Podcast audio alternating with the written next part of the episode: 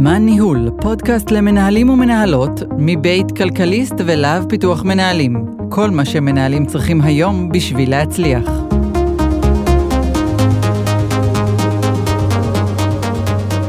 אז שלום לכם, אנחנו אה, בפרק נוסף של אה, זמן ניהול, אה, והיום אנחנו נדבר על מושג שנקרא טרנספורמציה דיגיטלית. אה, תקופת הקורונה הובילה הרבה מאוד עסקים לעלות לאוויר, אה, להיות אה, באינטרנט, למכור אונליין, אבל טרנספורמציה דיגיטלית היא משהו, תהליך שהתחיל עוד הרבה הרבה לפני, ובעצם רלוונטי היום לכל סוג של ארגון, גם כזה שבסוף מוכר מוצר דרך אתר וגם אה, אה, ארגון שלו. אז אנחנו נמצאים פה עם אה, דוקטור יובל דרור, סופר, חוקר וסוציולוג של טכנולוגיה, והמנהל האקדמי של קורס טרנספורמציה דיגיטלית בלהב. אה, שלום אה, יובל. אהלן אהלן. אז מה זה בעצם, בוא תן לנו טיפה יותר הבנה לעומק, מה זה טרנספורמציה דיגיטלית ולמה זה לא רק להעלות איזשהו אתר אינטרנט לאוויר? כן, זו אחת הבעיות עם המונחים האלו, שיש איזה מיסקונספציה לגבי המונח. קודם כל, הוא מורכב משתי מילים, ואחת הבעיות שלו זה ששמים דגש מאוד על המילה השנייה, על הדיגיטלי, כי אנחנו מבינים אותה יותר. אה, דיגיטלי זה טכנולוגיה, אתרי אינטרנט, והנה עשינו שינוי דיגיטלי. אז זהו שלא. אה, טרנספורמציה דיגיטלית בעצם, לפחות אה, לדעתי, מציגה לארגונים שאלה. והשאלה שהיא מציגה היא איך ארגון שהגיע לעולם לפני עידן האינטרנט המסחרי, כלומר בואי נמקם את זה באזור mm-hmm. 1995, משהו כזה. Mm-hmm. איך ארגונים מהסוג הזה, שארגונים שיש להם כבר עובדים ולקוחות והכנסות ומודל עסקי, והם פה כבר 25 שנה, איך הם צריכים להשתנות על מנת שהם יוכלו ליהנות מהתועלות העצומות של העידן הדיגיטלי. ואני חושב שזאת שאלה טובה, כי היא מיד ממקדת אותנו קודם כל על סוג הארגונים שאליהם אנחנו פונים. אנחנו לא פונים לחברת סטארט-אפ של עכשיו שני חבר'ה שמקימים איזשהו אה, אפליקציה, הם לא צריכים טרנספורמציה דיגיטלית, נכון. הם כבר פה, הם חלק מהעידן הדיגיטלי. אנחנו כן פונים לחברות, שאגב יכולות, יכולות להיות קטנות, בינוניות וגדולות, mm-hmm. ובעצם אומרים להם, מה אתם צריכים לעשות כדי להתחיל ולהסתכל על האינטרנט לא כעל איום, מה שהרבה מאוד חברות מסתכלות על העידן הזה ואומרות, לא, שיבוש, נכון? כולם מדברים על שיבוש. נכון. מה אנחנו צריכים לעשות, איך אנחנו צריכים להשתנות כדי שאנחנו נחיה בתוך העידן הדיגיטלי ולא כל הזמן נהיה בדפנסיבה, לא כל הזמן נהיה במגננה, אלא נרגיש שאנחנו חלק מהעניין. וכדי לעשות את זה, ארגונים צריכים להסתכל לא רק על השאלה איזו טכנולוגיה אני צריך להשתמש, אה, איך אני מוכר את המוצרים שלי באתר אינטרנט, כן, זה אולי הביטוי הכי שטחי של טרנספורמציה דיגיטלית, אלא איך אני צריך לבחון את ממדי הפעולה השונים של הארגון שלי, שכוללים לקוחות וכוללים את המתחרים שלי וכוללים את האופן שבו אני אוסף דאטה וכן הלאה וכן הלאה, כדי שהם יתאימו למאפיינים של העידן הדיגיטלי. אז בואו באמת נדבר על הדאטה. הרי הבסיס לכל אה, הטרנספורמציה הדיגיטלית וכל השינויים שמרחיקי הלכת שעוברים על ארגונים, זה בעצם שיש לנו היום המון המון מידע שנמצא בכל מקום. עכשיו, חלק מהמידע הזה זה מידע שיש לו ערך. חלק מהמידע הזה זה מידע שבסדר, אז יש עוד אה, ערימות של מידע ואין לנו מה לעשות איתם. איך ארגון יכול לקחת את כל המידע העצום הזה ו- ולהפוך אותו למשהו שהוא בעל ערך? את יודעת, אה, בשנים האחרונות נהוג לומר שדאטה is the new oil, נכון? Mm-hmm, נכון. דאטה זה הנפט החדש. אבל לא היית רוצה לטבוע בתוך נפט, נכון? כמו שלא היית רוצה לטבוע בתוך נפט, גם לא היית רוצה לטבוע בתוך דאטה. ואם אני רגע אה, לוקח את המטאפורה הזאת ולוקח אותה עוד צעד אחד קדימה, גם נפט טהור שאני מוציא מהאדמה הוא לא בהכרח משהו שאני רוצה, אני רוצה לעבד אותו. אז השאלה הגדולה היא איך באמת הופכים דאטה למשהו שהוא בעל ערך, וזאת שאלה עצומה. אז אני אתן רק אה, כמה כיוונים. קודם כל, ארגונים, למשל, צריכים לשאול את עצמם איזה דאטה אני אוסף.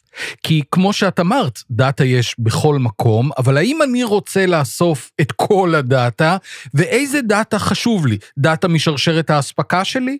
דאטה מהלקוחות, דאטה ממשאבי אנוש, דאטה על מוצרים, דאטה פנימי, דאטה חיצוני, חיצוני, הכל מייצר דאטה. עכשיו, אוקיי, אז נניח שאמרת לי, אוקיי, יובל, בסדר, אני יודעת מה אני רוצה, אני אה, אספתי את הדאטה שלי. אוקיי, הנה עוד שאלה. למה אספתי אותו? כדי לעשות מה? כדי לבצע אופטימיזציה? כדי לבצע תחזית, כדי לתמוך בתהליכי קבלת החלטות, כדי לפתח מוצר חדש.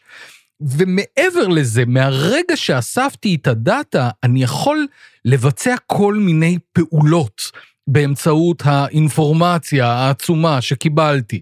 אני אתן לך כמה דוגמאות. למשל, אני יכול, אם אספתי דאטה על לקוחות, אני יכול לפלח אותם. אני יכול להגיד, אוקיי, לקבוצה הזאת אני רוצה להעביר מסרים כאלו, לקבוצה אחרת זה מה שנקרא targeting. נכון. אני יכול לייצר תובנות עסקיות. אני יכול לעשות פרסונליזציה, שזה אחד היתרונות הגדולים ביותר של העידן הדיגיטלי, זה שאנחנו יכולים להתאים את המוצר לכל לקוח.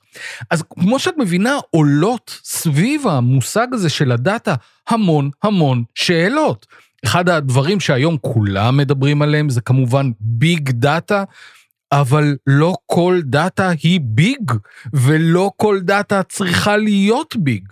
אז אני חושב שארגונים שנתקלים בשאלה הזאת של אוקיי, מה אני עושה עם הדאטה הזאת ואיך אני אוסף אותה, קודם כל צריכים לוודא שיש להם בכלל יכולות ומיומנויות אנושיות כדי לטפל בכל הדאטה הזאת. וכאן אנחנו כן נכנסים לשאלה הטכנולוגית, מכיוון שיש הרבה מאוד טכנולוגיות, הרבה מאוד כלים, הרבה מאוד תוכנות, שבאמצעותם אנחנו יכולים גם לאסוף וגם לנתח. ולכן כאן אנחנו צריכים באמת הרבה מאוד מיומנויות, גם אנושיות וגם טכנולוגיות.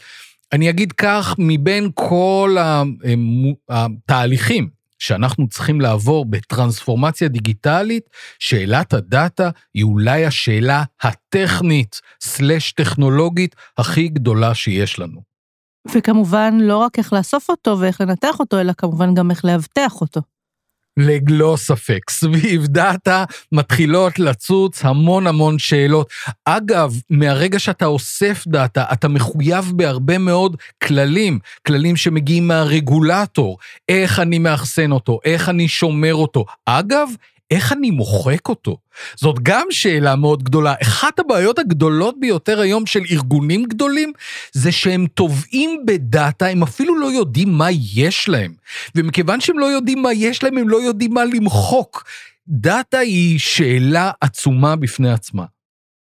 בעצם כל אה, עולם הדיגיטל אה, וכל אה, העלייה לאוויר והמכירות אונליין והשימוש והפילוח וההגעה ללקוחות שהם יכולים להיות במרחק מאוד מאוד רב מאיתנו, אבל הם רלוונטיים לנו, משנה את כל המפה התחרותית של הארגון. הארגון כבר לא מתחרה עם החנות שנמצאת לידו מעבר לרחוב, הוא צריך להסתכל באופן שונה על כל זירת התחרות שהוא פועל בה.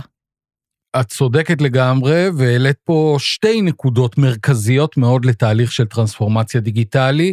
האחד הוא גם הלקוחות שלי, והשני הוא גם התחרות שלי. עם מה בא לך להתחיל? בוא נתחיל עם הלקוחות. נתחיל עם הלקוחות כי אני חושב שזאת בחירה נכונה, כי בסוף בסוף ארגונים הם פה בשביל לתת שירות ללקוח. זה הסיבה שהם הגיעו לעולם. אז תראי, באופן אה, מסורתי, אה, ארגונים התייחסו ללקוחות כאל קבוצה אחידה. כן, כזאת שהיא, מפעילים עליה גם כלים אחידים. זאת אומרת, אם תחשבי על פרסומות שלפני 30-40 שנה, אז אני אומר, אוקיי, אני יצרנית נעליים, אלה הם הלקוחות שלי, אני מייצר מסר אחד, נניח just do it, ואני עכשיו עושה פרסומת, פרסומת אחת שתשודר בזמן אחד בטלוויזיה, זה הכל אחד. וגם הייצור הוא ייצור של מוצר אחד שמתאים להרבה מאוד לקוחות. כל ההתייחסות היא התייחסות לגוף, הייתי אומר מונוליטי, גוף אחיד. אבל בעידן הדיגיטלי אנחנו נעים מלקוחות שהם, אנחנו מתייחסים אליהם כאל mass market, לעולם של customer uh, networks. זאת אומרת, פתאום כבר אין לי מסה, מין המון אנשים שאני לא יודע להבחין ביניהם, אלא יש לי רשתות של uh, לקוחות, והם כבר לא פסיביים. הלקוחות האלה שקודם צפו בטלוויזיה, בפרסומות, ואמרו, אוקיי, אני רוצה נעליים, היום הם כבר לא פסיביים, הם אקטיביים, הם מתחברים אל הארגון, הם מתחברים אל המדיה, הם מתחברים האחד אל השני, הם משתמשים בכל מיני כלים שונים ומשונים כדי לגלות, כדי להעריך, כדי לרכוש את המוצרים שבהם הם מתעניינים. הם משתפים את המחשבות שלהם, נכון? הרי נכון. כל המדיה החברתית זה הכל share. זה כן, זה אני, אני משתף, אני אומר לך מה אני חושב, אני עושה לך ריטוויט. הם יוצרים אינטראקציות עם המותגים. ואני אגיד עוד דבר, גם הציפיות שלהם הן שונות. הציפיות של הלקוח לפני 30, 40 ו-50 שנה מהמותג, מהארגון, היו אחד, והציפיות היום מארגונים הן אחרות לגמרי, הם הייתי אומר אחד פלוס, או אחד פלוס פלוס. אז בכל מה שקשור ללקוחות במסגרת תהליך של טרנספורמציה דיגיטלית, ארגונים צריכים ללמוד איך לנצל את אותם customer networks ולרתום אותם לטובתם. איך, איך אני חותר למגע עם הלקוחות, איך אני מעצים אותם, איך אני נמצא בקשר איתם. ויש המון המון דוגמאות, אני לא אכנס לזה עכשיו, אבל במהלך הקורס אנחנו מציגים את הדוגמאות לארגונים שעושים את זה בצורה נהדרת, ממש בצורה פנטסטית. דווקא אני אשמח לשמוע איזה דוגמה מעניינת.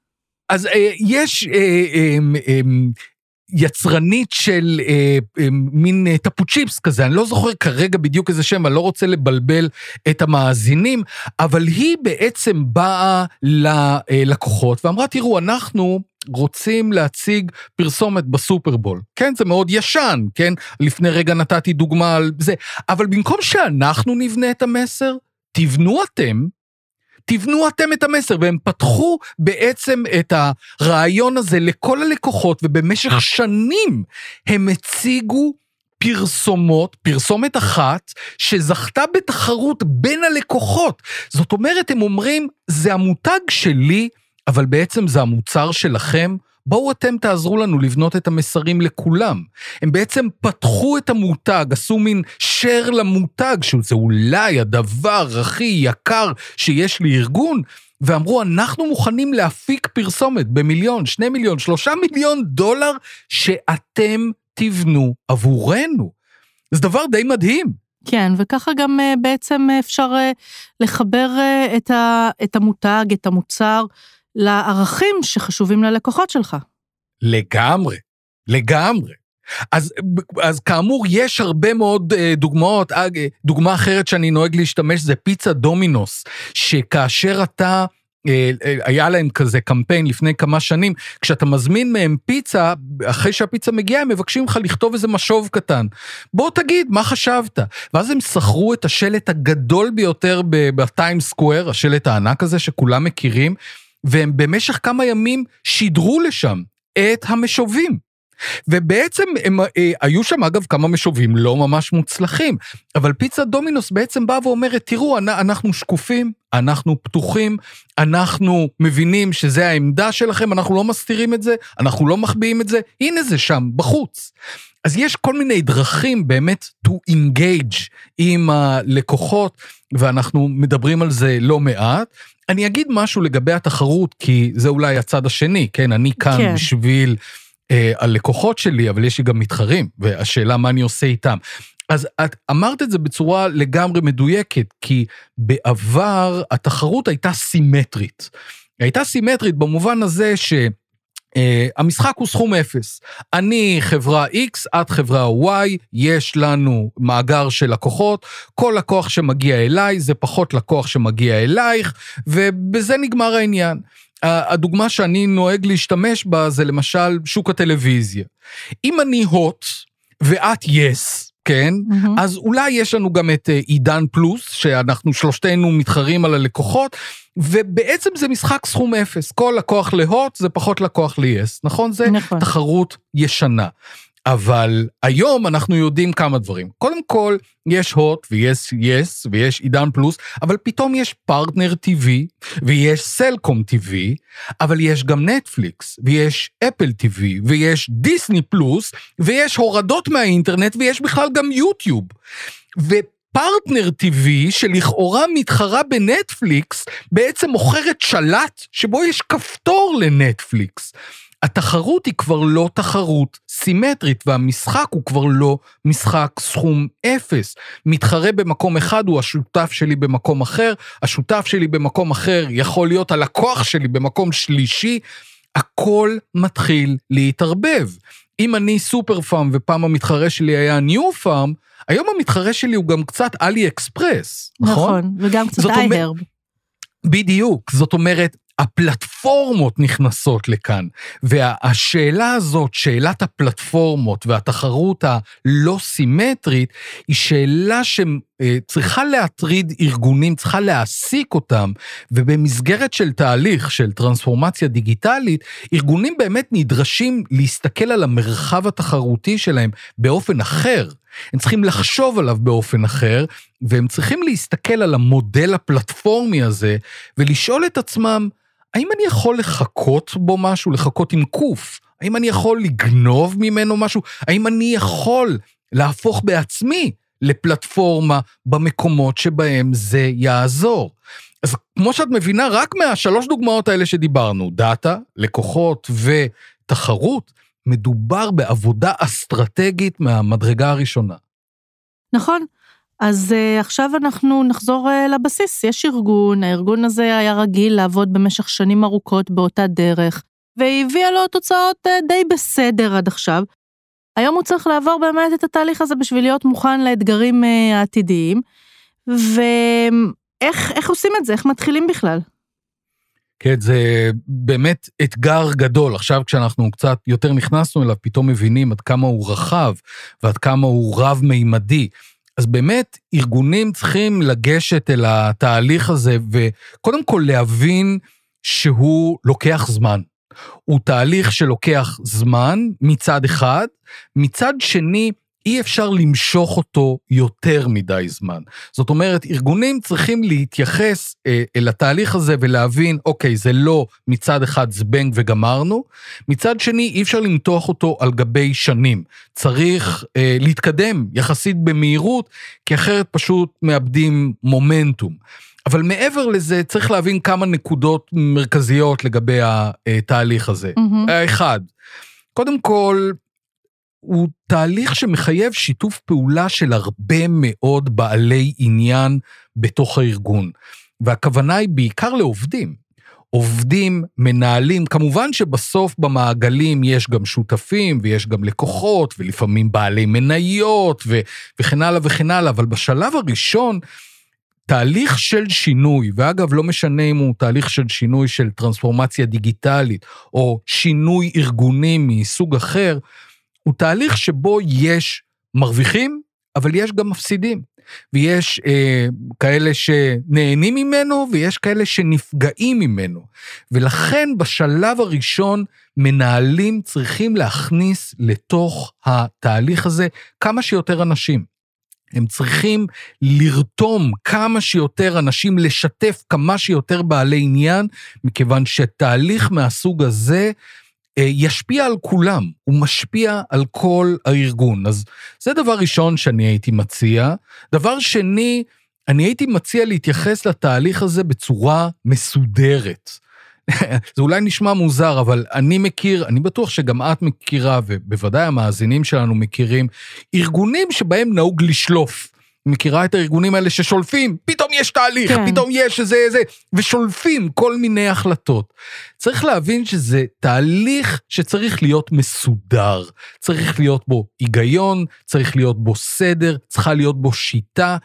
תהליך שמבוסס על שליפות הוא תהליך שדינו בסופו של דבר להיכשל. צריך לבנות תשתית עוד- לשינויים האלה. בהחלט, בהחלט, זה, זה חלק מהסדר. זה, צריך, זה תהליך שצריך לעשות לו הכנה, תהליך שצריך לשתף בו הרבה מאוד אנשים, צריך מצד אחד להבין שהוא לא זבנג וגמרנו, ומצד שני לא למרוח את הזמן. ואולי עוד דבר אחד אני הייתי מוסיף, והוא שצריכה להיות מחויבות לתהליך הזה, מחויבות של ההנהלה, שאחר כך רותמת את העובדים. מכיוון שזה תהליך באמת עומק, שבו אתה לוקח ארגון ואתה בחלק מהמקרים משנה לו את ה-DNA. אולי מאוחר יותר נדבר קצת על תרבות ארגונית, אבל עוד לפני שהגענו לתרבות הארגונית, אנחנו אולי אפילו צריכים לשנות את המודל העסקי שלנו, אנחנו צריכים לשנות את האופן שבו אנחנו מתייחסים ללקוחות או למתחרים שלנו, זה שינוי מאוד מאוד גדול. אתה רוצה להצליח בו, אתה צריך להתחייב לו. אתה לא יכול לעשות אותו בחצי קלאץ', אתה צריך להתחייב בו גם ברמה של ההנהלה, ואחר כך ללכת ולרתום את העובדים. אם זה לא משהו שאתה עושה באופן הזה, יש מצב שבסופו של דבר הוא יתפורר לך בין הידיים. זה נראה קצת אה, כמו תהליך מותרות כזה. הרי המנהל בא בבוקר, הוא אומר, יש לי יעדים לביצוע, יש לי כמות מסוימת של אה, מכירות, של אה, אה, אה, הצלחה, כל איזשהו מדד אחר שהוא נמדד על פיו. תן לי להתעסק בזה, מה עכשיו אתה מתחיל להעביר אותי תהליכים ותחשוב על הזירה התחרותית? זה לא מושגים שהם טיפלה באוויר ביומיום במציאות אה, של החברות, בטח בתקופה כזאת שאנחנו קצת במוד הישרדותי? אז אני דווקא לוקח את השאלה שלך ומקפיץ אותה קדימה. דווקא בעידן הזה, בעידן שבו למדנו עד כמה אה, אם אתה לא בדיגיטל, אתה בעצם לא, אתה לא קיים. בעידן כזה, להתאים את עצמך לעידן הדיגיטלי זה מותרות? זה לא מותרות, זה ה basic של ה basic. אם יש משהו שמגפת הקורונה לימדה אותנו, בכל מה ש... לימדה אותנו הרבה דברים, אבל בכל מה שקשור לתחום הזה, זה שארגונים שלא מבינים ולא מותאמים לפעול בתוך המרחב הדיגיטלי, הם ארגונים שהם מפסידים. הם מפסידים כסף, הם מפסידים לקוחות, הם מפסידים את המעמד שלהם בתוך אה, השוק שלהם, ומצד שני ראינו מה קורה לארגונים שהגיעו מוכנים, או שביצעו התאמות מהר מאוד כדי להיכנס לתוך העולם הזה ולפרוח בו. מה שאני רוצה לומר זה שזה לא תהליך שבו לאיזה מנהל אחד נכנס ג'וק.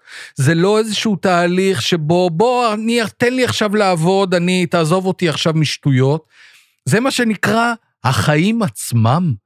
ארגון שלא יתאים את עצמו בתקופה הזו לשינויים שהם הכרחיים לגמרי כדי להתאים את עצמו לעידן הדיגיטלי, לאורך זמן אין לו עתיד. זה עד כדי כך דרמטי. בואו נוריד את זה לרמה הפרקטית. אני עכשיו אה, מנכ"ל של ארגון, אני יודעת שאנחנו צריכים אה, לעשות את התהליך הזה. ש... מהם שלושת הצעדים הראשונים שאני צריכה לעשות? אז תראי, יש אה, כמה דברים, הייתי אומר, גם ברמה של אה, אתגרים ניהוליים, וגם ברמה של הדברים שאני צריך לעשות, אני כבן אדם. אז אה, קודם כל הייתי אומר, בואי נסתכל לרגע על, על סוג האתגרים שניצבים בפניי, כי זה חתיכת דבר ענק.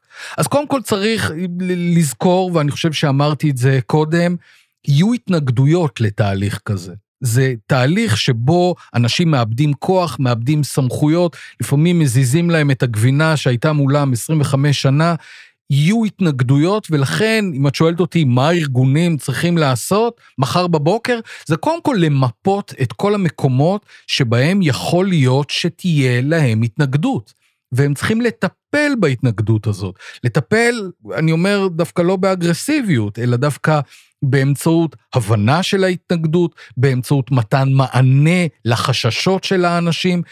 צריך להבין, אם תהיה התנגדות בתוך הארגון לתהליך הזה, בסוף הוא ייתקע. אז אוקיי, אז זה דבר אחד. דבר שני, אני חושב שארגונים צריכים לשאול את עצמם, האם יש לי את כוח האדם המתאים למשימה הזאת? וכשאני מדבר על זה, אני לא מדבר על פיטורים של אנשים לא מתאימים, ממש לא. אני מדבר על השאלה האם אני צריך לשכור אנשים מסוג אחר, מכיוון שעכשיו יש לי חברה מסוג אחר, יש לי חברה עם אתגרים אחרים, ולכן אולי אני צריך גם לחפש אנשים שיעזרו לי להתמודד עם האתגר הזה. אני אתן לך עוד דוגמה. זו דוגמה שאני מאוד אוהב, היא נוגעת לשאלה של מדידות. נכון, הרי ארגונים מודדים את כוח האדם, הם נותנים להם מערכות, נכון. סוף שנה, נכון, מדרגים אותם, וזאת, זה דרמה, זה בהרבה מאוד ארגונים, זה דרמה מאוד גדולה, כי זה יחליט האם אתה נשאר עוד שנה, אם מפטרים אותך, נותנים לך העלאה במשכורת, מתקדם, זו דרמה מאוד גדולה. אבל הנה השאלה המעניינת. מהו המדד? מהו המדד? מה מודדים? ובתהליך של טרנספורמציה דיגיטלית, שאלת המדידה היא שאלה נורא מעניינת. אני אתן לך דוגמה, סיפור אישי, אני אה, הייתי בעברי עיתונאי, הייתי, אה, עבדתי משנת 2000 עד סוף 2004, עבדתי בעיתון הארץ.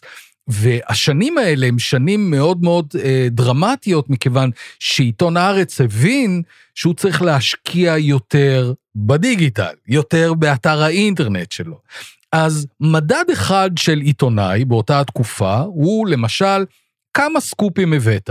נכון? ככל שאתה מביא יותר סקופים, אתה עיתונאי יותר מוערך, יותר נחשק, זה, זה מדד אחד.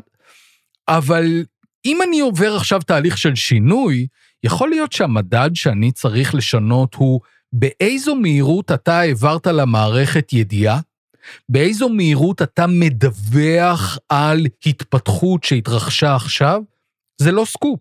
זה בכלל לא סקופ, זה משהו אחר לגמרי. ומה שאני בעצם רוצה לומר זה שהאופן שבו אנחנו מודדים את האנשים קשור באופן ברור לחלוטין לביצועים שלהם, ליעדים שלהם ולאופן שבו הם חושבים על העבודה שלהם. אז אתה ארגון ואתה רוצה לעבור תהליך של טרנספורמציה דיגיטלית, בוא תבדוק על את מה אתה בודק. בוא תבדוק איך אתה מודד את האנשים. מספיק שתעשה שינוי במדדים, והעובדים יבינו שבעצם משהו השתנה. אני אגיד אולי עוד דבר אחד או שניים שככה עולים לי בראש. האחד זה באמת, אה, במסגרת תהליך של טרנספורמציה דיגיטלית, יש גם עבודה של טכנולוגיה. יש גם עבודה של לבחון אילו טכנולוגיות ארגון צריך, אילו כלים הוא צריך להטמיע, במה הוא צריך להשתמש, אה, ושוב, איזה אנשים אני צריך כדי שידעו לפף, לטפל בטכנולוגיות האלו. ולבסוף, ואני ככה רמזתי על זה במהלך השיחה שלנו, יש את העניין הזה של תרבות ארגונית. אני קורא לתרבות ארגונית מערכת ההפעלה של הארגון. כן, זה, זה הדבר הזה שאנחנו לא מדברים עליו, אבל הוא נמצא ברקע, והוא בעצם היצור הזה שמאפשר לי לעשות משהו או לא מאפשר לי לעשות משהו. יש משפט נורא ידוע שיועצים אסטרטגיים אה, לפעמים אומרים, תרבות ארגונית אוכלת לארוחת בוקר את האסטרטגיה. שמעת פעם את המשפט הזה? כן.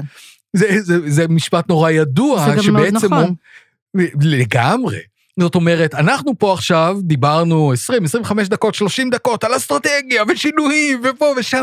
בסוף, אח שלי, אם התרבות הארגונית שלך לא שם כדי לתמוך באסטרטגיה הזאת, היא תאכל את האסטרטגיה שלך לארוחת בוקר ותבקש קינוח, זה לא יעזור שום דבר.